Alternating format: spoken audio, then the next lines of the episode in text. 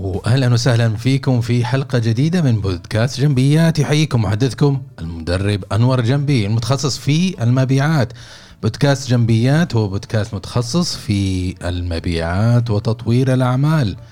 البودكاست الأول في هذا التخصص والوحيد العربي.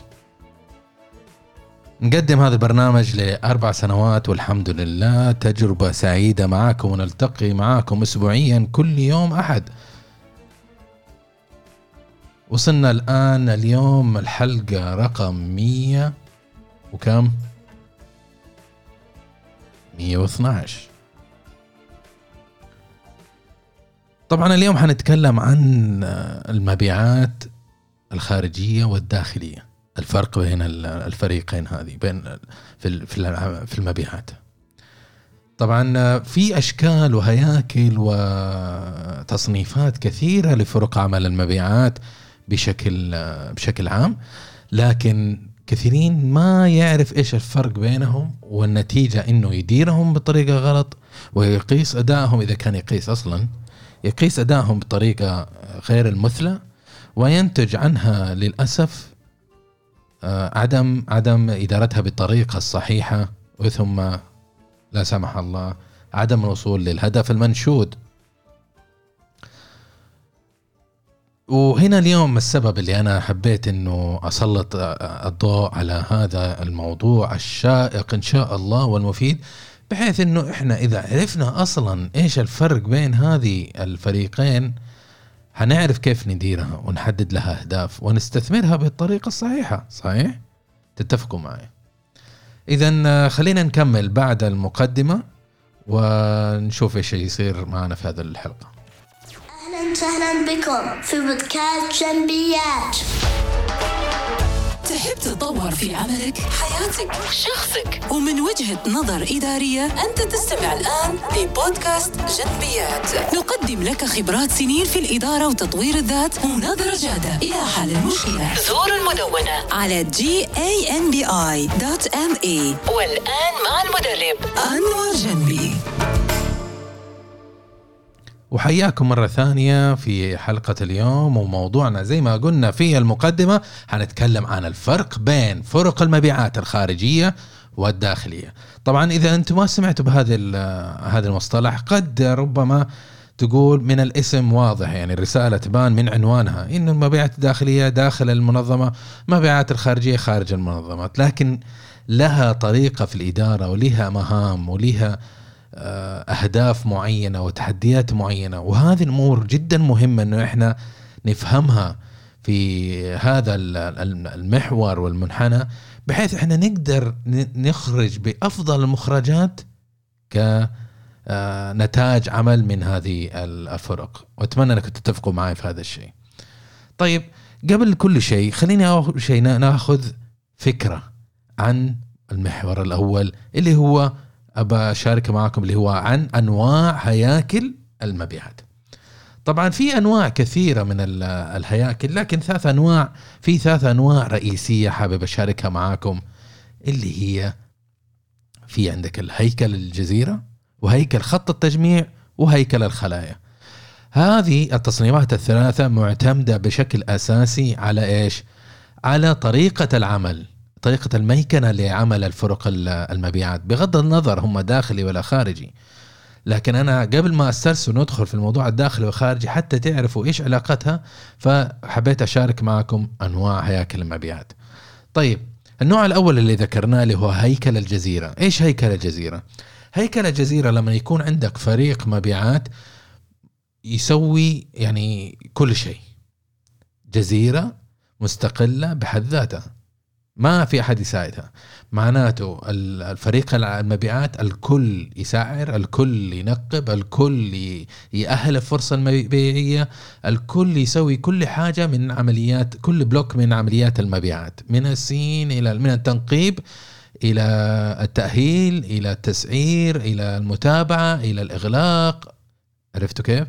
فهذه هذه وبعض المنظمات حتى يضيف لها في النهاية تحصيل لا تقول لي ليش يحطوا التحصيل في يعني المنظمات بعضها تشوف العجائب حقيقة ويعتمدوا على فريق المبيعات إنه هو يحرك لهم ال process حق ال order to cash بشكل كامل مستقل. لأنهم هم عارفين إنه من في العملية هذه أكثر فاعلية هم الفريق المبيعات بسبب الديناميكية وطريقه عملهم وطريقة تفكيرهم وطريقة تعاملهم مع العميل وإدراكهم بالسوق والمناقصات وكذا. بغض النظر أنا أشوف إنه اي أي آه، هل يحتاج هل صحيح إنه نضيف إحنا التحصيل إلى المبيعات ولا لا؟ ما نبغى ندخل في هذا الموضوع، ربما في حلقة مستقبلية أتكلم عن هذا الموضوع، لكن هذا اللي قلناه هو هيكل الجزيرة. أما النوع الثاني اللي من هياكل المبيعات اللي هو هيكل خط التجميع. هيكل خط التجميع أكثر آه، تطور من هيكل الجزيرة. فهيكل خط خط التجميع. كيف يكون؟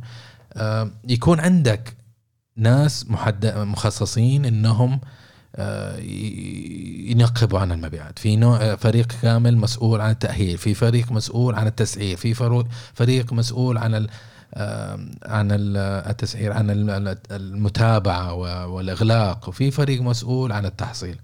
فكل فريق مسؤول عن هذا الشيء. طبعا فيها إيجابيات وسلبيات كل هيكل من هذه الهياكل لكن خلينا نفهم أول شيء آه، إيش هي الهياكل بشكل عام ثم نذهب إلى نتعمق في كل واحد منهم. النوع الثالث اللي هو هيكل الخلايا. هيكل الخلايا نفس فكرة خط التجميع لكن كل خط تجميع متخصص لقطاع من العملاء. يعني مثلا زي في ال STC تلاقيه مثلا هذا فريق كل فريق يسوي آه block من من عمليات المبيعات آه زي ما شرحنا في خط التجميع لكن موجه إلى الشركات موجه إلى القطاع الصناعي موجه إلى المستشفيات موجه إلى البنوك. التأمين نفس الشيء يتبع هذا هذا النوع المتقدم من ال آه، من من عمليات المبيعات وهيكلة فرق العمل. فهذا هيكل الخلايا. طيب إيش الايجابيات والسلبيات تقول لي إيش أفضل إنه أنا أتابع آه، أطبق هيكل الجزيرة ولا هيكل التجميع ولا هيكل الخلايا؟ طبعا إذا كان كانت المنظمة عملها بسيط وغير معقد ودخلها صغير ومناقصاتها more transactional يعني تحويلية وصفقاتها كثيرة ولكن قيمتها صغيرة فما تسوى إنك أنت تجيب 15 شخص يقعد كل واحد يسوي شغلة واحدة. لأنه ما يسوي مثلا تسعيرة ثم يقعد واحدة ثم يقعد طول اليوم جائز ما يسوي شيء ثم هذاك يسوي اتصالين ثم باقي اليوم ما يسوي شيء عرفت كيف؟ فال load ما يح... ما يبرر إنك أنت آه تسوي شيء مرة advanced يعني ومتقدم لكن إذا كانت عندك عمليات متقدمة زي شركات الاتصالات زي شركات التأمين زي شركات المبيعات المعدات الصناعية هذه ترى شوي متقدمة الكابلات برضو يتبعوا نوعا ما المفروض إنه يتبعوا آه، هذا الشيء لأنه عندهم آه، يعني آه، مشاريع وعندهم تعقيدات في طريقة وتأهيل تقني ثم متابعة مع المشروع وهلم مجر من العمليات. ففيها احتياج شوية معقد. لكن أما هيكل الخلايا يكون مور يعني يكون عندهم مبيعات بقيمة أكبر من من من اللي قبل فبهذا يكون يخصصوا لكل فريق مبيعات يكون يهاجم قطاع معين.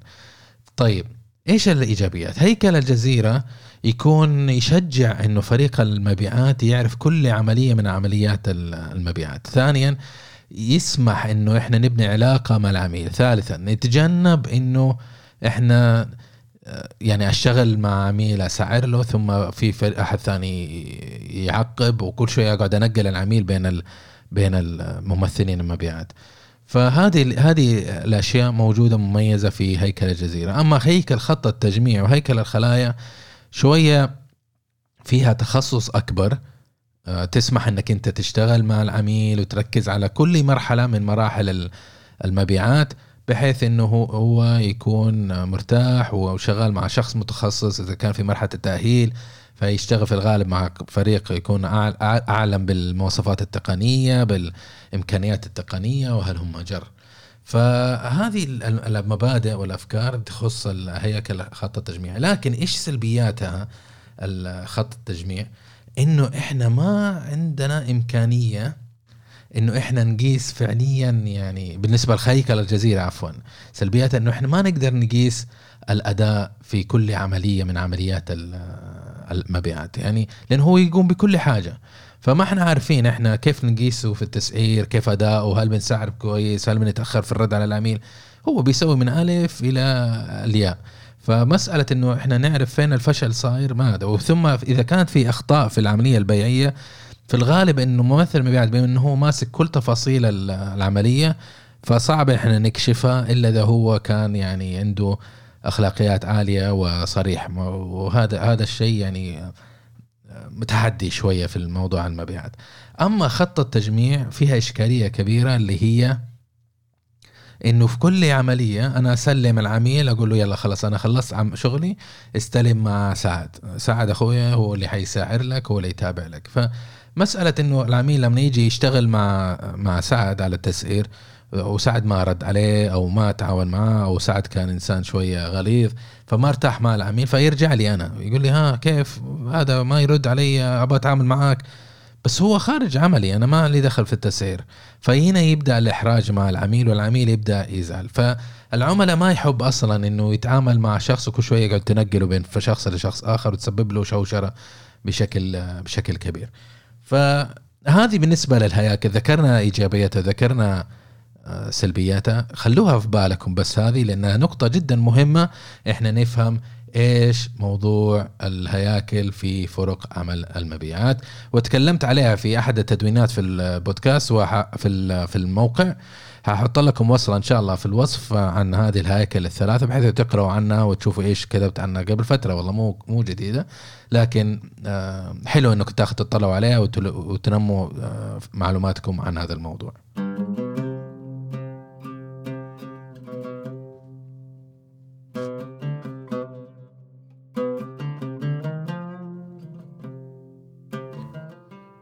طيب خلينا ننتقل إلى موضوع المبيعات الداخلية والمبيعات ال- الخارجية. المبيعات الداخلية إيش هي المبيعات الداخلية؟ دي هي زي ما قلنا إنه المبيعات الداخلية الناس يشتغلوا داخل المنظمة. طيب آه ويكونوا يعني يشتغلوا داخل المنظمة ويكون مخصص لهم مكان خاص يشتغلوا فيه وموفر لهم الأدوات اللي يحتاجوها لأنه هم يتواصلوا مع العميل بشكل عام يكون افتراضي وليس وجه بوجه. بمعنى إنه هو يتواصل مع العميل عن طريق الهاتف عن طريق الإيميل عن طريق الاجتماعات الافتراضية وهلم جر وهذه ال- المبيعات الداخلية تعطيني يعني ديناميكية شوية في عملية المبيعات لأنه ما يحتاج إنه المندوب يتحرك كل شوية يضيع وقت في موضوع انتقال بين عميل وعميل. يعني خلينا نستبق ال- المواضيع شوية. المبيعات الخارجية يكون خارج المنظم خارج المكتب غالب وقته. تقريبا على حسب الإحصائيات يكون 49 46% 46 إلى 49% خارج المكتب ومع العميل. فمسألة إنه أنا مثلا أروح للصباح أمر على العميل آه، عندنا ثلاثة عملاء. بين العميل والعميل عشان أنتقل لو كنا في مدينة كبيرة زي الرياض يحتاج تقريبا ساعة 45 دقيقة عشان أنتقل. فبينما المبيعات الداخلية أسهل في هذا وأكثر كفاءة في الإنتاجية إذا كان طبيعة المبيعات يعني ترانزاكشنال ويحتاج وما يحتاج إنه أكون اقابل العميل وجه بوجه ولا يحتاج إنه آه، أمور أخرى أحتاجها في المبيعات فريق المبيعات الخارجية. المبيعات الداخلية يقدر يكون يقفل مثلا 50 إلى 100 اتصال في اليوم. آه، وعادة المبيعات الداخلية يحطوا لهم يعني كيوتا يقول له أنا أباك تكلمني في في اليوم مثلا 100 100 عميل. أتذكر لما لما كنت في الكلية أدرس اشتغلت عمل جزئي مع أحد الفنادق الخمس نجوم وكنت أشتغل معاهم في المبيعات آه، telesales عن طريق الهاتف ال- الهاتف المبيعات الهاتف فكانوا يحددوا لنا يعني طبعا target إنه كل يوم لازم لازم تبيع بهذا القد ولازم تكلم هذا السين من من العملاء وإذا ما كلمت ولا ما حققت طبعا لازم أجي أكلم ال- المدير وأشرح له أنا إيش وجهة النظر حتى يكون ملم ويقدر يساعدني إذا كانت في معضلة آه، معضلة ما في في طريقة الإغلاق أو طريقة عملي مع العملاء. طبعا في المبيعات الداخلية بحكم إنه هو ما عنده فرصة إنه يقابل العميل ولا عنده فرصة إنه يسوي ديمو أو أي حاجة في عملية فعلية أمام العميل. ففي هذه الحالة آه، لزاما ومن أهم الأشياء طبعا مع مع في, في الفريق هذا المبيعات الداخلية إنه يكون ملم بدرجة جدا عالية عن المنتج أو الخدمة من ناحية المواصفات التقنية وكذا. لأنه هو إذا كان الشخص هذا غير ملم في عملية في المواصفات والتقنيات وال والأسئلة الرائجة العميقة ما حيقدر يقنع العميل وإذا ما قدر يقنع العميل ما حيقدر يبيع. فلازم العميل يعرف إنه أو يفهم أو يستوعب إنه في قيمة معينة من متوقعة من هذا المنتج. وهنا يجي دور الخبرة والمعرفة آه، في المنتج. التحدي الآخر اللي يواجهه المبيعات الداخلية إنه طبيعة عملهم عن بعد. آه لأنه زي ما قلنا إحنا هو ما يخرج من المكتب فإذا إنه ما يخرج من المكتب معناته العميل ما يشوفه وإذا ما يشوفه معناته التواصل حقنا غالبا حيكون بعيد وفيها فقد لميزة إنه أنا أقابل عميل يشوفني في تواصل لغة جسدية وبناء علاقة مع العميل. بينما المبيعات الداخلية طبيعتها إنها تكون سريعة لانها تتعامل مع نوع المبيعات التحويلية والترانزاكشن السريعه فما يحتاج إنه هو يبني علاقة ولا يتوقع إنه هو يبني علاقة مستدامة مع عميل معين إلا إذا كان ماسك حساب واحد آه، ومسؤول إنه يسوي هذا الشيء. فموضوع إنه يعمل عن بعد هذا تحدي جدا كبير على المبيعات الداخلية لكن عليه إنه هو يتمكن ويطور مهاراته ويطور نفسه بحيث إنه يقدر يكسب العميل ويرسي أساسيات للثقة مع العميل آه، من نحو المنتج ونحو الممثل المبيعات ونحو المنظمة. زي ما كررنا إحنا وإحنا نتكلم عن المبيعات الداخلية إنه المبيعات الداخلية في الغالب تستخدم مع الحالات اللي هي transactional اللي هي التحويلية السريعة. okay أنا أبغى هذا الشيء أعطيني. أبغى هذا القطعة أعطيني. أعطيني هذا المنتج أعطيني. أعطيني لفة كيبل أعطيني قطعة غيار أعطيني جالون زيت. فهذه الأشياء السريعة آه، ما تحتاج إنه واحد يقعد يروح لك ويجتمع فيك عشان يشتري. يبيع لك بيعة بخمسين ألف ولا عشر ألاف ولا خمسة ألاف. هذه مبيعات صغيرة وعادية ولا أبغى أشوف أصلا أنا واحد مبيعات يجيني وياخذ من وقتي أنا كعميل. إنما خلاص اتصل على واحد أقول له ترى ابى تسعيرة لهذا هذا وكيف أعطيني تسعيرة عشان أعمدك وأعطي له أمر شراء ولا أحول له المال؟ وخلاص وانتهى الموضوع. فعشان كذا إحنا نقول انها تحويلية. بسرعة اتصل تعطيني تسعيرة أعطيك فلوس توفر لي المنتج. وبكذا انت يعني آه، مارست وتمكنت من من موضوع جميل جدا اللي هو المبيعات الداخلية.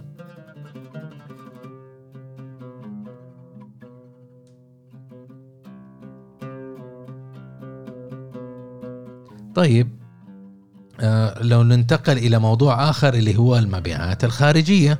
المبيعات الخارجية هي المبيعات اللي تحصل من فرق عمل تعمل بطبيعتها خارج المنظمة. وزي ما قلنا 46 إلى 50% تقريبا من وقتهم يكون خارج المكتب. ويكونوا يقابلوا العملاء ويقوموا بعمليات المبيعات وجها بوجه مع العميل. وفي بعض المنظمات يسمونهم المبيعات الخارجية أو المبيعات الميدانية أو مهندسين المبيعات. فهذول المبيعات يكونوا خارج المكتب زي ما قلنا. ومن أكبر التحديات اللي أو المهارات المطلوبة فيها إنه يتمكن من بناء علاقة مع العميل فيروح مع العميل يشرح له يبين له يعمل له ديمو آه، يحضر آه، معارض. إذا كان في عندهم معارض معينة أقدر أتحدث عن المنتج وهلم جر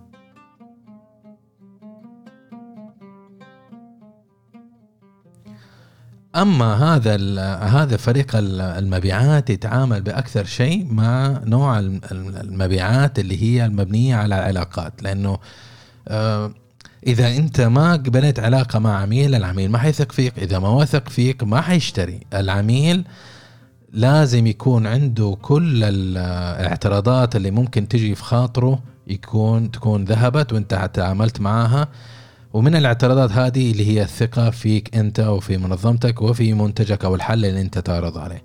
إذا ما رسيت علاقة ممتازة ما حتكون ما حتحصل المبيعات إلا إذا كان هو مضطر وواثق جدا في البراند حقك أو المنتج. أما إذا رايح عميل جديد و... و... وتقدم له زي كذا وما هو ما هو 100% واثق منك فما حيشتري منك. ليش؟ لأنه في قان- قانون ال- المبيعات يقول لك ان العملاء يشتروا من العم... الناس اللي هم يعني يحبوهم. إذا ما حبيتك ما حشتري منك. انتهى. صلى الله وبارك.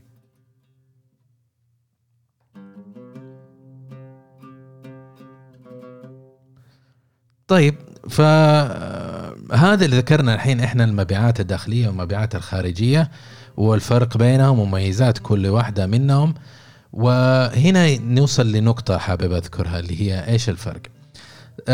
المبيعات الداخلية بالغالب تتعامل مع نموذج مبيعات ال transactional أو المعاملات زي ما ذكرنا لكن في نفس الوقت بالنسبة لطلب المبيعات في نوعين أساسية بشكل عام بغض النظر عن نوع فريق العمل.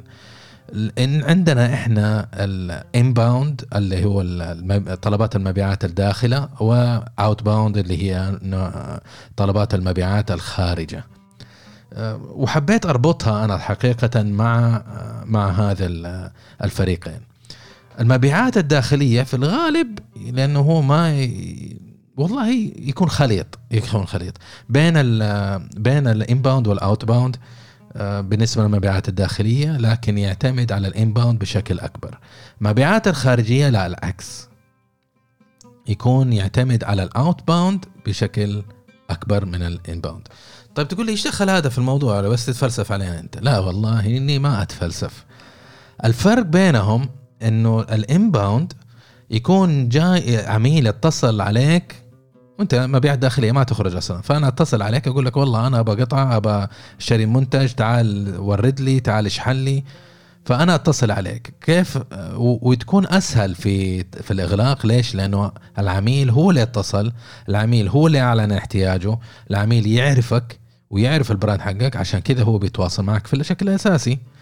المشكلية التحدي الأكبر هو ال outbound فالمبيعات الداخلية زي ما يصير مثلا في في الفنادق لما يكون في فريق تس- telesales ويبداوا يتصلوا على المبيعات يقول لهم عفوا على العملاء ويقولوا لهم ترى عندنا إحنا اشتراك و time share ومش عارف إيش وعضوية ذهبية وخرابيط هذه. فهذه يسموها outbound sales لأنه أنا أروح لعميل وأقعد أثقف وأقنع و وأحاول احركه بين المراحل المبيعات واقوم على المبيعات حتى يوصل إلى مرحلة إيش؟ الإغلاق. أما المبيعات الخارجية تعتمد أكبر على ال outbound بحيث إنه هو يروح للعميل ويثقف مقارنة بالمبيعات ال inbound. طيب وهذه يوصلني إلى نقطة اللي أنا ليش ذكرت هذا لكم؟ لأنه أنا بنبهكم على هذا الشيء. إنه تبعا ل- لنمط عملكم أنت مبيعات داخلية ومبيعات خارجية لازم تكون أنت ملاحظ إنك أنت في النسبة الصحية الخليطة بين ال inbound وال outbound إذا عندك المبيعات الخارجية و90% من مبيعاتهم إنباوند هذه مشكلة. هذا معناته المبيعات لا يعرف العملاء ولا يعرف السوق والعلامة التجارية هي بتبيع نفسها. ففعليا أنا ما أحتاج أحد إذا عندي مبيعات خارجية هذا هذا أداؤه فأنا ما أحتاج إنه أجيب شخص باهظ الثمن يكلفني عشان يسوي هذا الشيء. أقدر أجيب أي شخص إنه يقدر يجيب لي inbound خلاص يقعد وال brand هو يبيع نفسه بنفسه. اللعبة كلها إنك أنت مين يقدر يسوي ال outbound sales وأنا أقول لي دائما لموظفيني فرق العمل الخاص فيا أقول لهم المبيعات هي إنك تروح لعميل ما يعرفك أو ما بيتعامل معك أو ما بيشتري منك وتقنعه بالعرض اللي أنت تفهم إيش مشكلته وتعرض عليه العرض اللي يحل له المشكلة اللي هو اللي يعاني منها. ومن من هذا المنطلق أنت تقول له والله يلا خلينا نشتري اشتري خذ قرار الشراء ثم تأخذ أمر الشراء. وتمشي من عنده وهو مبتسم إنه اشترى منك. هذه هي المبيعات. أنت تحتاج شخص يكون قادر إنه يجيب لك ال- ال- الحالة البيعية والأمر الشراء من اللا شيء. وهذه هذه هي الفكرة. هذا النوع من الناس اللي هو أنت لازم تكون مستعد إنك أنت تدفع له أما وشخص يكون قاعد في المكتب يقعد يمشط لي شعره وحاطط كرافتة ومروق وقاعد في المكيف طول اليوم وال orderات تيجي هي بنفسها ثم أدفع له كمان مبلغ آه، وقدره. ما هي منطقي يعني. لكن للأسف المنظمات لا يفقهون في هذه النقطة وت- ويغفلوا على هذه النقطة أو إنهم ينتبهوا لهذه النقطة لكن ما بي... ما هم عارفين إيش يسووا. ليش؟ لأنه ما يعرفوا إيش الفرق بين المبيعات الداخلية والمبيعات الخارجية. ما يعرفوا إيش الفرق بين ال inbound وال outbound ما يعرفوا كيف يحطوا KPIs يقيسوا مع الأداء. ما يعرفوا يحطوا معايير يقيسوا ال hit rate حق ال sales ما يحطوا معايير عن كم عميل يتواصل معاه كم اتصلت عليه كم تقابلت إيش الاجتماعات.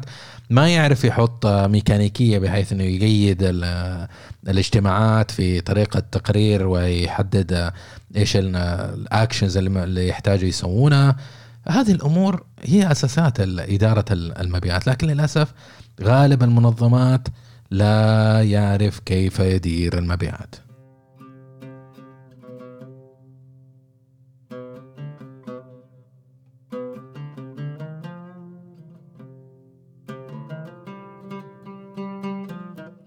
طبعا في الختامية هنا أنا اللي بقول لكم إياه إنه الآن يعني نمر في حالة ضائقة اقتصادية قد سببت إنه ورقة التوت طاحت عن كثير من المنظمات بحيث إنه السنوات الماضية كان السوق جدا ضخم والخنبقة اللي شغالين في المبيعات يعني قاعد يحتفلوا كل سنة أوه حققت target حققت target بينما ال target يحقق نفسه بنفسه حتى لو ما عندي ولا أحد في المبيعات ليش؟ لأن السوق كان جدا جدا جدا ضخم لكن الآن السوق انكمش فنحتاج مهارات. وبما إنه عندنا خلل كبير في فرق العمل المبيعات من ناحية التدريب من ناحية المعرفة من ناحية المهارات فالناتج إنه ال- الناس اللي شغالين في المبيعات ما هم عارفين كيف يتكيفوا أو كيف يشتغلوا ومتورطين. يقول لك والله السوق ناشف وما في ما في فرص.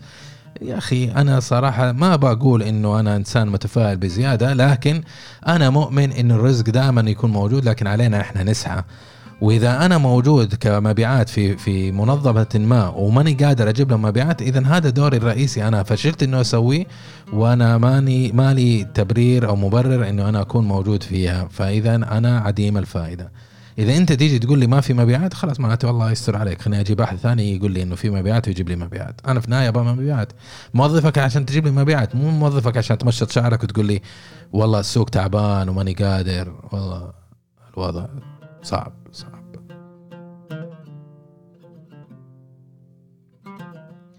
عرفتوا كيف؟ فهنا من ناحيه وفي في اللينكدين يعني تناقشنا أنا ومجموعة من ال- العاملين في الموارد البشرية وفي المبيعات عن موضوع ال- المؤهلات وزي كده وكيف نوظف ال- العاملين في المبيعات. والحقيقة إنه وصلنا إلى ناتج إنه المبيعات زيها زي التسويق زيها زي الموارد البشرية هذه المهن كانت مهنة من لا مهنة لها. أي واحد متورط ما هو عارف وظيفة دخل مبيعات دخل مبيعات دخل مبيعات دخل مبيعات دخل موارد بشرية دخل تسويق. ثم يقعد يألف يا أخي لا عنده براسه أنه هو مبيعات ولا هو عارف يفقه المبيعات. ولو تسأله إيش آخر دورة أو آخر كتاب قريته يقول لك من عشر سنوات أنا مشغول في المبيعات ما عندي وقت أتدرب وأقرأ. ولما يجيك موظف يقول لك أنا ما عندي وقت إنه أقرأ وأتطور في المبيعات تعرف إنه هذا الإنسان لازم تقشعه مهما كان أنت تعزه أو مهما كان أداؤه عالي أو مهما كان ايا كان. المبيعات لازم يكون دائما عينه على التطور واكتساب مهارات جديدة لأنه المبيعات مه- مهنة ديناميكية تتغير وتتلون وتتشكل. وكل يوم في حركة جديدة وفكرة جديدة وترند جديد في المبيعات. لازم أنا أواكب الترند هذا بحيث إنه دائما أكون أنا آه، يعني عندي اليد العليا بيني وبين زملائي وبيني وبين منافسيني. وبكذا إحنا وصلنا لنهاية حلقة اليوم وأنا أشكركم ويعطيكم العافية على حضوركم معنا في حلقة اليوم. أحب إنه أشارككم يعني زي ما قلنا إحنا في في البودكاست الماضي الحلقة الماضية قلنا لكم إنه نهاية شهر سبعة إن شاء الله عندنا لقاء افتراضي حتكون متحدث فيها مع ثلة من الخبراء. حيعلن عليه إن شاء الله من أصحابه. أنا ضيف معاهم ماني ماني منسق. لكن آه، آه، اعزائي إذا إنك أنت يعني أحب إنك أنت تحضر معنا لأنه حاتكلم إن شاء الله عن كيفية بناء فريق المبيعات الخارق. ويا عزيزي أرجوك إن شاء الله إنه أحط لك وصلة في وصف الحلقة وحاول إنك أنت تسجل فيها عشان إذا أعلنوا جماعة عن الحلقة عن اللقاء إن شاء الله أتواصل معكم وأعطيكم خبر بحيث إنه نتأكد إنك أنت تحضر معنا. واغتنموا الفرصة. إحنا عادة نسويها هذه وجه الل- اللقاءات في المنطقة الشرقية أو الرياض أو جدة. بس الآن إن شاء الله حتكون افتراضية بسبب كورونا. الله يقرف كورونا ويذهبوا عننا. لكن فاجتماعنا عدد كبير في مكان واحد شبه مستحيل بسبب القوانين والتنظيمات والتباعد الاجتماعي. فحنضطر نعملها افتراضي لكن هذه فكرة هذه يعني فرصة جميلة. حنسوي هذا اللقاء. وحتقابل أربعة أو خمسة أو ثلاثة أيا كان المتحدثين ومنهم أنا وأيا كان مكانك. ممكن إحنا نتكلم مع بعض وتسمعوا إيش المعلومة اللي عندنا ثم نتعرف على بعض ونتواصل بعدها إن شاء الله. وهذه فرصة جدا جميلة. لا تبع لا ت... لا تفوتوها. هحط الوصلة حقت التسجيل في الحضور للقاء. ال- التسجيل مبدئي مني أنا مو من المنظمين بس حمررها للمنظمين بحيث إنه يتواصلوا معاكم. آه، وهي على البداية على نهاية شهر سبعة إن شاء الله. أرجوكم أرجوكم أرجوكم سجلوا في ال- ال- القائمة واحضروا معنا الموضوع حيكون شائق ورائع ومفيد ومبدع وملهم ويستاهلكم إن شاء الله. أما الآن أقول لكم مرة ثانية شكرا جزيلا لحضوركم معنا واستثمار وقتكم معنا وحضور حلقة بودكاست جنبيات. البودكاست هذا منشور أيضا على مساحات تويتر. هذا ترند جديد قاعد أسويه بحيث إنه أحاول إنه أفتح تواصل مع المتابعين معاكم ونسمع مشاركاتكم نسمع تساؤلكم. اغتنموا الفرصة لما أجي أعلن. آه، ممكن إنك أنت تيجي بعد الحلقة زي الوقت هذا تيجي تقول لي والله يا أنور آه، عندي سؤال فلاني بخصوص ما الموضوع اللي تكلمت عليه وأضيفك على الحلقة بحيث إنه نقدر نتحاور أنا وأنت ويكون في تغذية راجعة أو تواصل باتجاهين. وهذا اللي كان عندي لكم اليوم. أتمنى أنكم وجدتوا فيه الفائدة. حاولوا تنشروه لمعارفكم. حطوه في ال social media. قولوا لهم هذا الغلبان قاعد يتعب ويتكلم عن مواضيع فيها الفائدة. اسمعوا له. إذا عجبكم. إذا ما عجبكم خلاص انسوا ولا تسووا شيء. إذا عجبكم أرجوكم. سووا. نشر على ال social media. ارسلوا لي الاثنين بس أنا قابل. ارسلوا لي شخصين على واتساب على لينكدين على أي شيء. يلا حبايب اعطيكم لكم يعطيكم العافية وفي أمان الله.